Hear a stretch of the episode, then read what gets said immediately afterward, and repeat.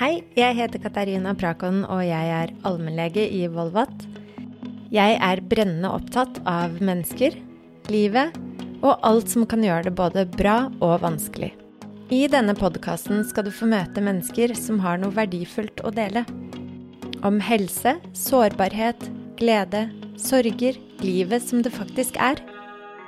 Mange søker lege pga. hjertebank og frykter at en hjertesykdom kan være årsaken til dette. Hjertebank er jo egentlig ganske vanlig og forårsakes sjelden av en alvorlig sykdom. Men hvordan skal vi lytte til hjertet? Og hvordan skal vi vite når det kan være farlig? Eh, siden vi snakker om hjertet, har jeg med meg den dyktige kardiologen Kjell Ingar Pettersen, som er kløpper i faget. Velkommen, Kjell Ingar. Tusen takk. Du har jo bred erfaring eh, fra helsevesenet. Eh, men nå jobber du som kardiolog i Volvat. Mm -hmm. Skal vi starte med rett og slett hvordan fungerer hjertet egentlig? Bare få en sånn kort intro for oss, eller for de som ikke kan noe særlig om det. Så hjertet er en muskel. Det er en hul muskel. Og det den gjør, er at den utvider seg og trekker seg sammen. På den måten så pumper den blod ut uh, i kroppen og tar imot blod fra kroppen og fra lungene. Uh, og uh, måten det skjer på, er at det er små elektriske impulser som får musklene våre til å trekke seg sammen, også hjertemuskelen. Mm. Alle som har fått et lite støt, har erfart det bokstavelig talt på kroppen, at da rykker musklene til.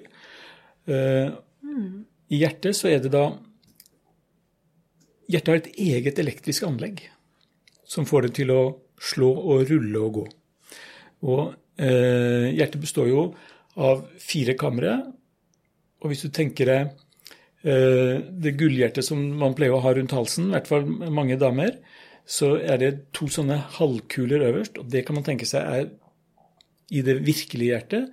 Der ligger da to sånne tynnveggede reservoarkammer, som vi kaller for, for forkamre eller atrier. Nedenfor der, og adskilt fra disse forkamrene, så har du to andre kamre som er, har mer muskulatur, og det er pumpene. Det er høyre og venstre hjertekammer. Mm. Og når eh, hjertet da pumper, så, så fyller det seg, og så tømmer det seg. Og det som styrer det, er da disse elektriske impulsene som starter øverst i høyre forkammer. Der har du et område med spesialceller som kalles for sinusknuten. Og det er sersjanten som kommanderer hjertet. Og den har den evnen til at den genererer elektriske impulser, som da den sender ut, først gjennom forkamrene. Mm. Og så skal den over til hjertekamrene for at du skal få litt ordentlig pumping. ikke sant? Mm.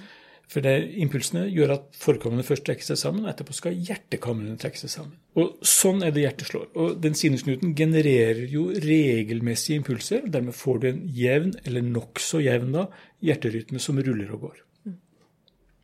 Men som sagt, sinusknuten er, bare, er jo bare da sersjanten. Den får eh, impulser utenifra, eller kommandoer utenifra, som sier noe om hvor fort eller hvor langsomt eller også litt hvor sterkt det skal slå. Og de impulsene kommer i den reguleringa som skjer fra minutt til minutt, eller sekund til sekund. For det gjør den faktisk. Hvis du mm. trekker pusten dypt, så øker hjertefrekvensen litt.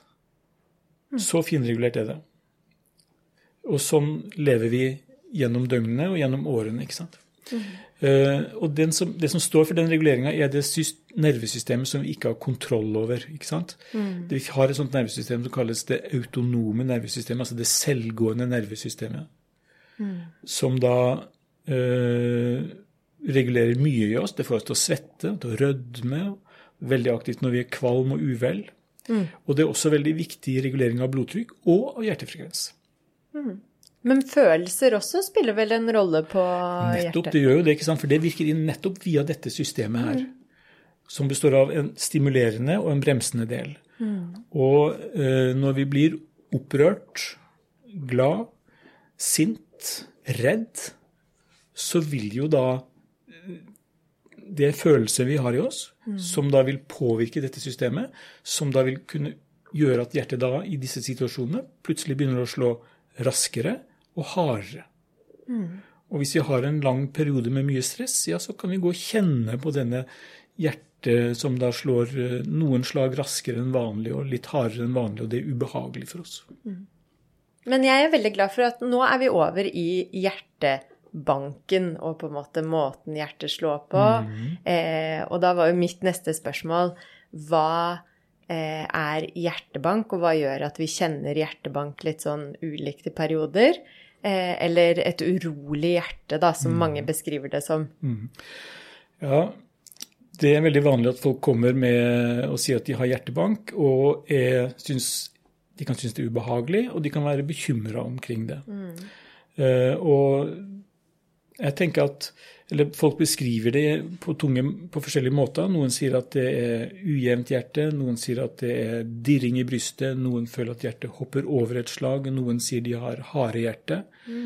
Uh, og jeg tenker at hvis du skal se litt sånn strengt på hva hjertebank er, så er det enten at det er et urolig hjerte som kan slå kanskje uregelmessig, eller det kan være et hjerte som slår raskt, eller det kan være et hjerte som slår hardt, eller det kan være ulike kombinasjoner av dette. At det er de tre tingene som er med på å definere mm. hjertebank. Eh, men alle har kjent på den litt sterke hjertebanken i perioder. Eh, og det de fleste lurer på, er eh, når er det farlig, eller hva skal man kjenne etter? Ja, det er et eh, veldig godt, eh, godt spørsmål, og det er et veldig viktig eh, spørsmål. Altså når, når blir det medisin ut av det, eller sykdom ut av det, mm. mer enn plagsomme symptomer? Og da må man som pasient kjenne litt etter hvordan man har det. Hvis man føler at man har et hjerte som slår veldig raskt Man sier at en normal hjertefrekvens går i hvert fall opp til 100, eller går til 100 slag. Det er, noen syns det er litt raskt, og noen sier 80, men, men 100 slag per minutt. Hvis det da plutselig har et hjerte som i lengre eller kortere perioder slår mye raskere, ja, så kan det være uttrykk for en hjerterytmeforstyrrelse.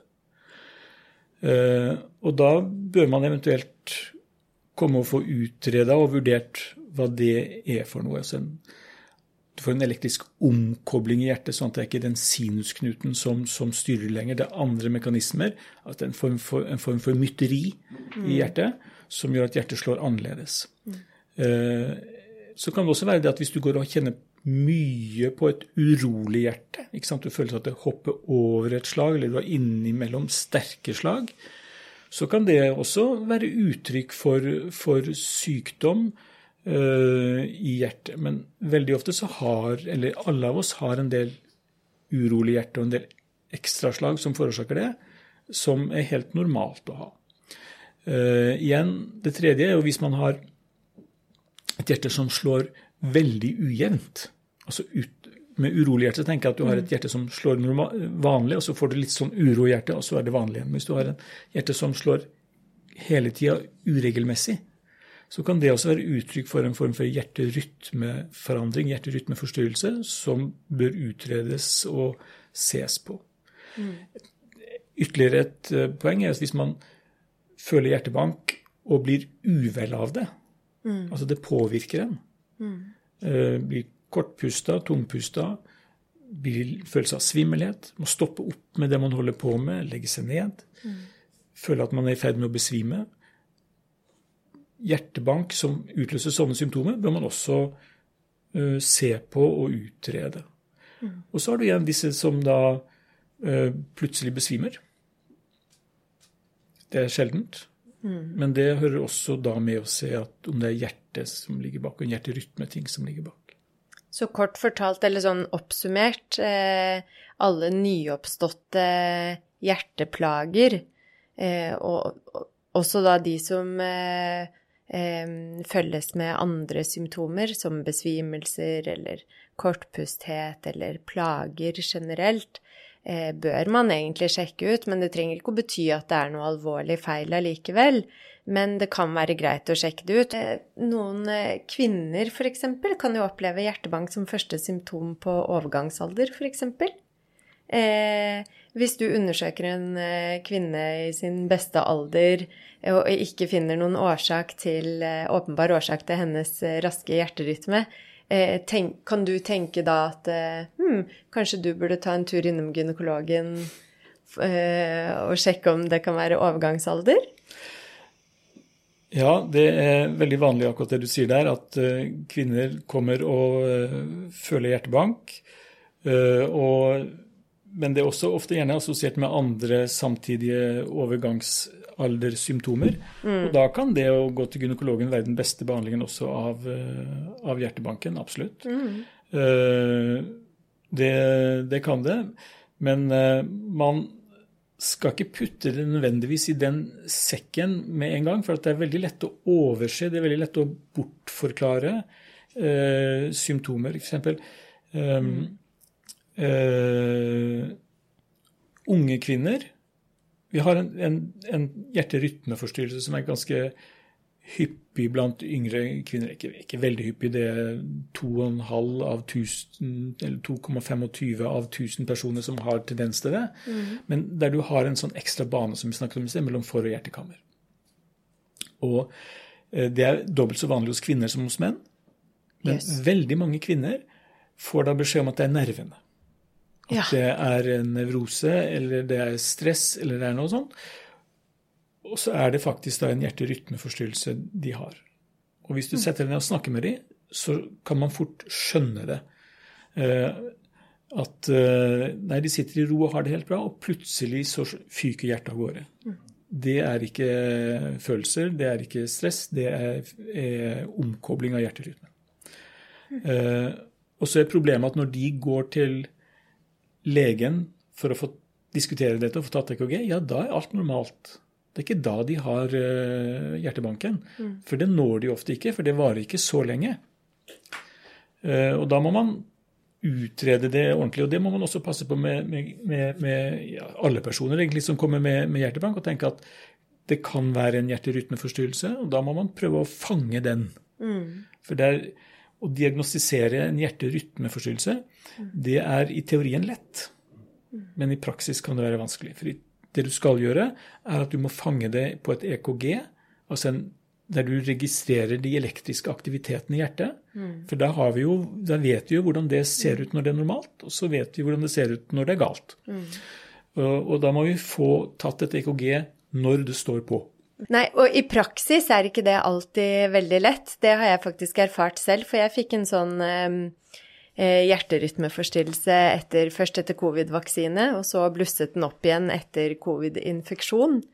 Eh, så jeg ble plutselig pasient og måtte gå med sånn overvåking, for de klarte ikke å fange det når det sto på. Eller når jeg var hos legen, så var det et normalt EKG. Så jeg fikk et sånt tredagers eh, overvåkings-EKG. Eh, og når jeg da i løpet av de tre dagene gikk hjemme og kjente, selvfølgelig veldig godt etter eh, Når jeg følte at jeg hadde litt sånn hjerterytmeforstyrrelser og at det sto på litt mer enn vanlig, så hadde ikke de sett noen ting. Mens når jeg ikke følte det og var i aktivitet og gjorde andre ting, så hadde de sett at det var et eller annet som skjedde. Og det er jo også noe med hjertet vårt at eh, når vi først setter oss ned og slapper av og kjenner etter, så er det jo lett å kjenne det men i aktivitet så kjenner vi det ikke alltid. Men eh, hvordan er det For nå har vi jo snakket om eh, ting som kan være ufarlige, og vi har La oss si en pasient har vært innom og fått tatt undersøkelser, og man har bestemt at uh, her er det ikke noe funn av noe hjerterytmeforstyrrelse, men allikevel så kjenner vedkommende på denne, uro, dette urolige hjertet. Og typisk da, når man setter seg ned på kvelden og skal slappe av, så blir man forstyrret av et galopperende hjerte i brystet. Er det noe man kan gjøre selv når man har fått etablert at det ikke er noe farlig, men allikevel kjenne på det for å roe denne, dette hjertet? Uh, ja, det kommer litt an på hva det er som gir denne hjertebanken. Uh, F.eks. hvis det er ekstraslag mm. som gir det.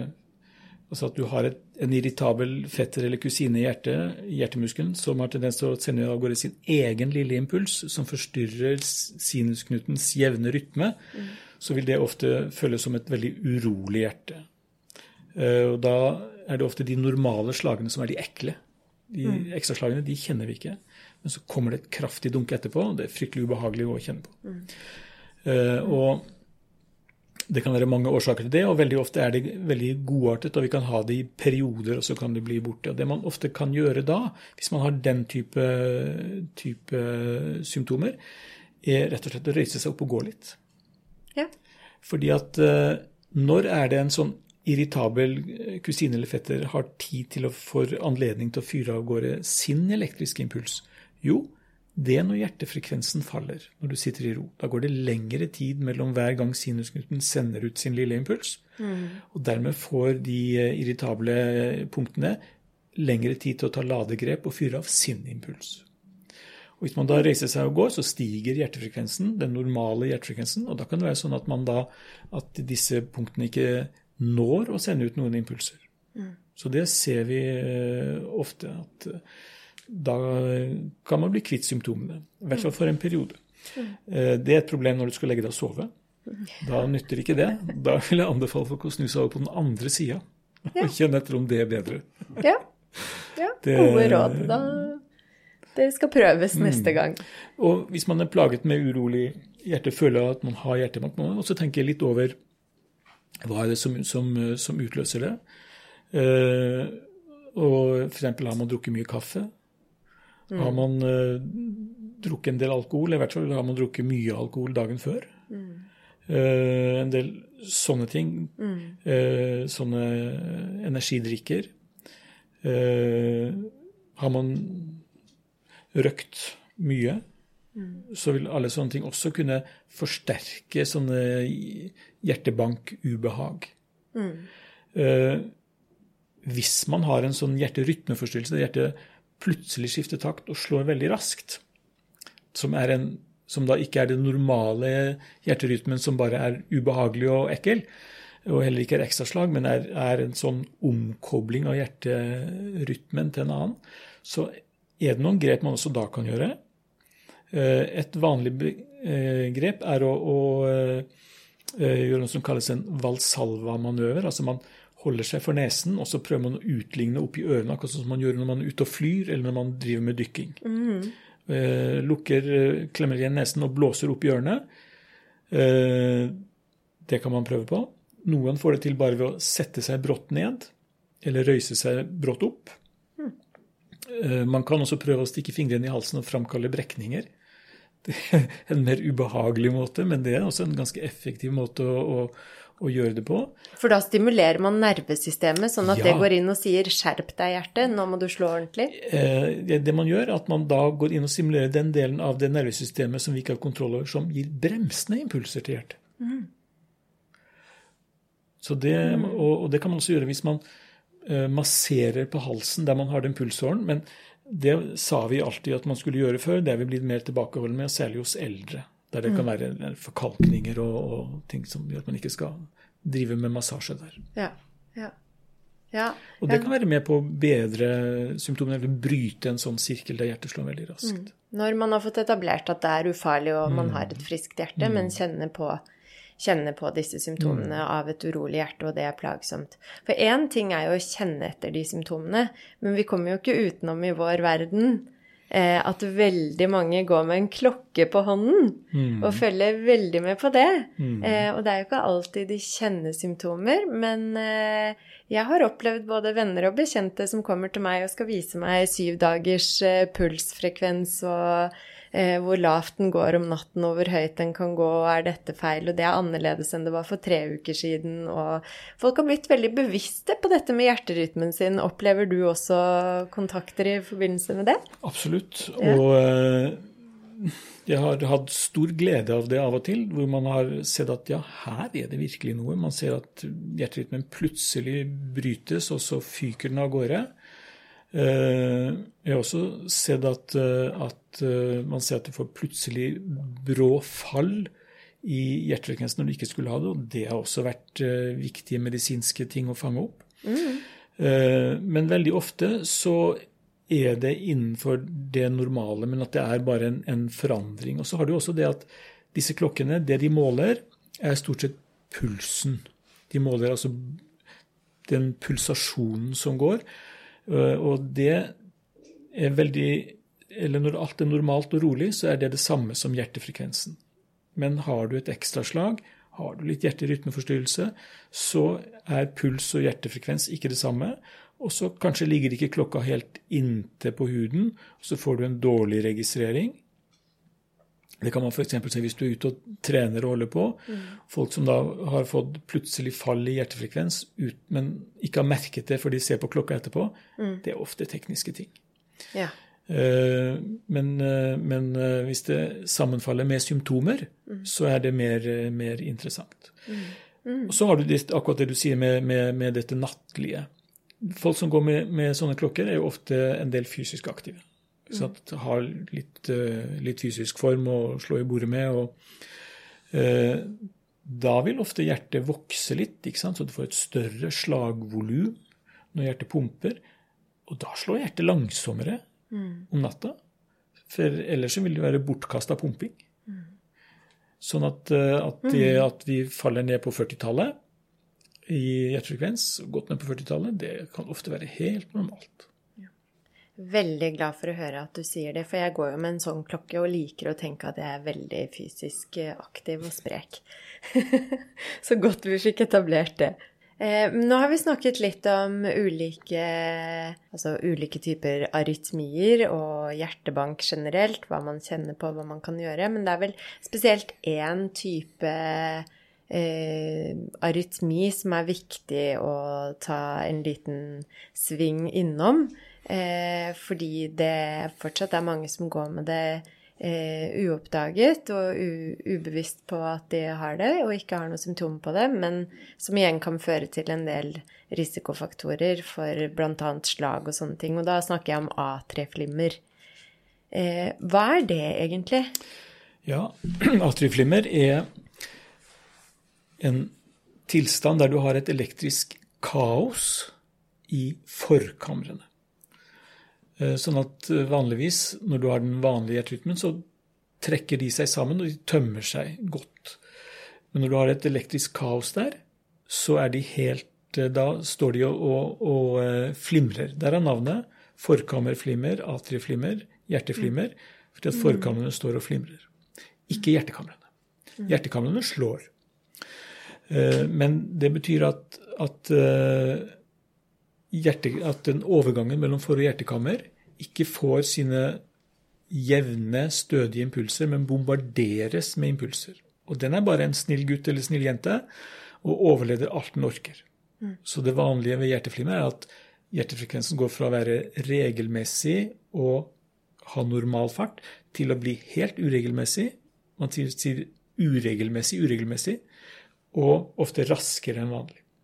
Mm da pumper ikke hjertet like effektivt. Og Hva er det som kan være farlig med det?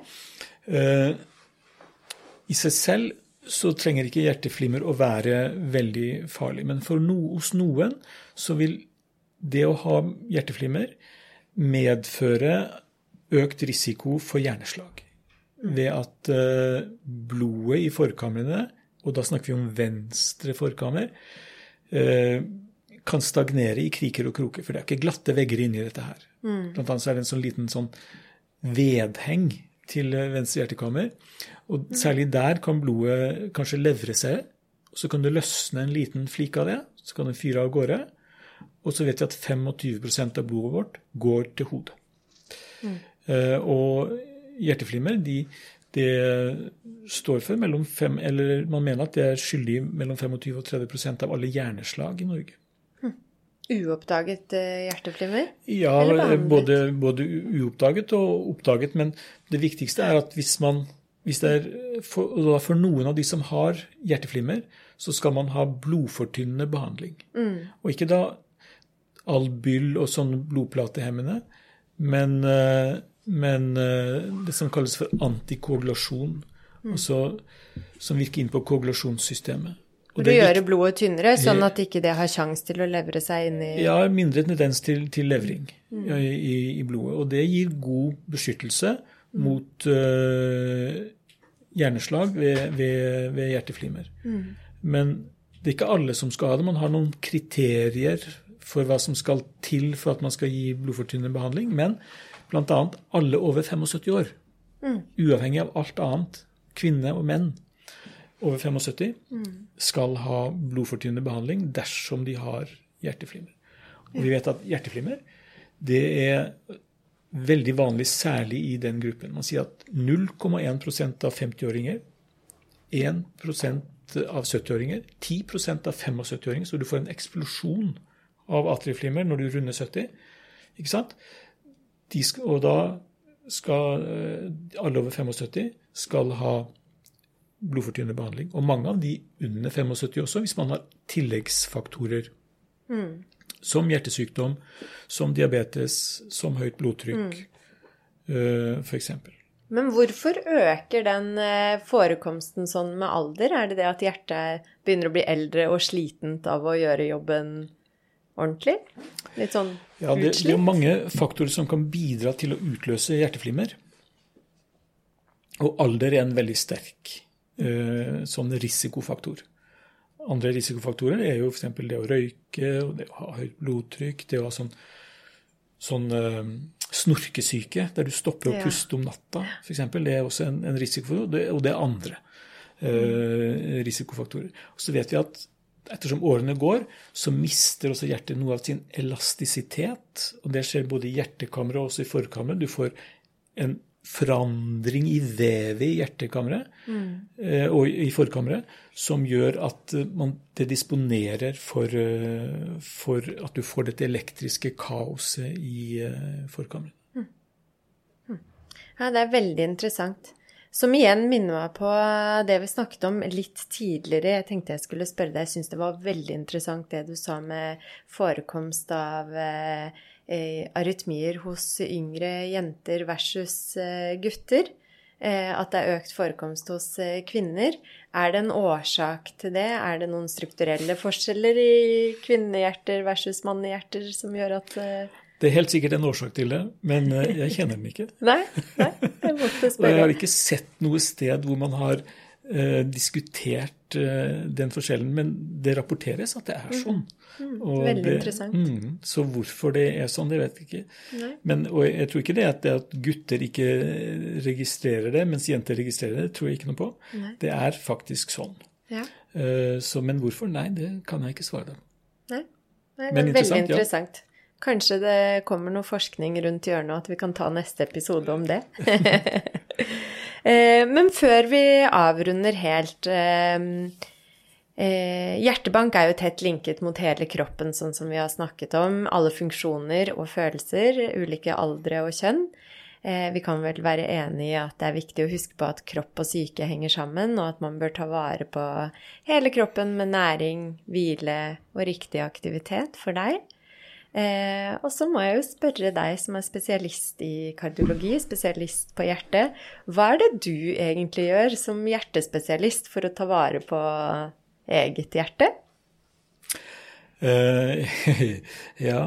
Eh, eh, det jeg gjør, er, er, er det at jeg prøver å være noe fysisk aktiv. For det er bra. Det har vi godt av. Eh, og selv om du har tendens til hjerterytmeforstyrrelse og hjertebank, så er ofte trening bra. Men kanskje man skal diskutere det med legen sin før man hiver seg løs på de tyngre øktene. Eh, Men det gjør jeg. Og så prøver jeg å passe på vekta. Og så prøver jeg å spise eh, de riktige tingene, og ikke spise for mye av de gale tingene. Men eh, man spiser jo litt av de gale tingene. Det skal. Det syns jeg høres ut som en eh, god måte å ta vare på hjertet sitt. Det har i hvert fall funka til nå. da. ja. ja, det er godt å høre. Vi kan vel eh, konkludere med at eh, det vi har, er et følsomt hjerte. Det følsomme hjertet. Eh, og sånn som du sa tidligere, at det er forskjell på hjerte og hjerte. Men at det er viktig å ta vare på begge deler. Det er helt sant. Man må ta vare på begge deler. Og det er det som gir, et, eh, gir god hjertehelse. Takk for at du kom, Kjell Ingar. Takk. Tusen takk for at du hørte på i dag. Hvis du syns dette var spennende, del det gjerne med de som burde høre det. Følg oss i podkastappen din, så høres vi neste uke. Ha det fint!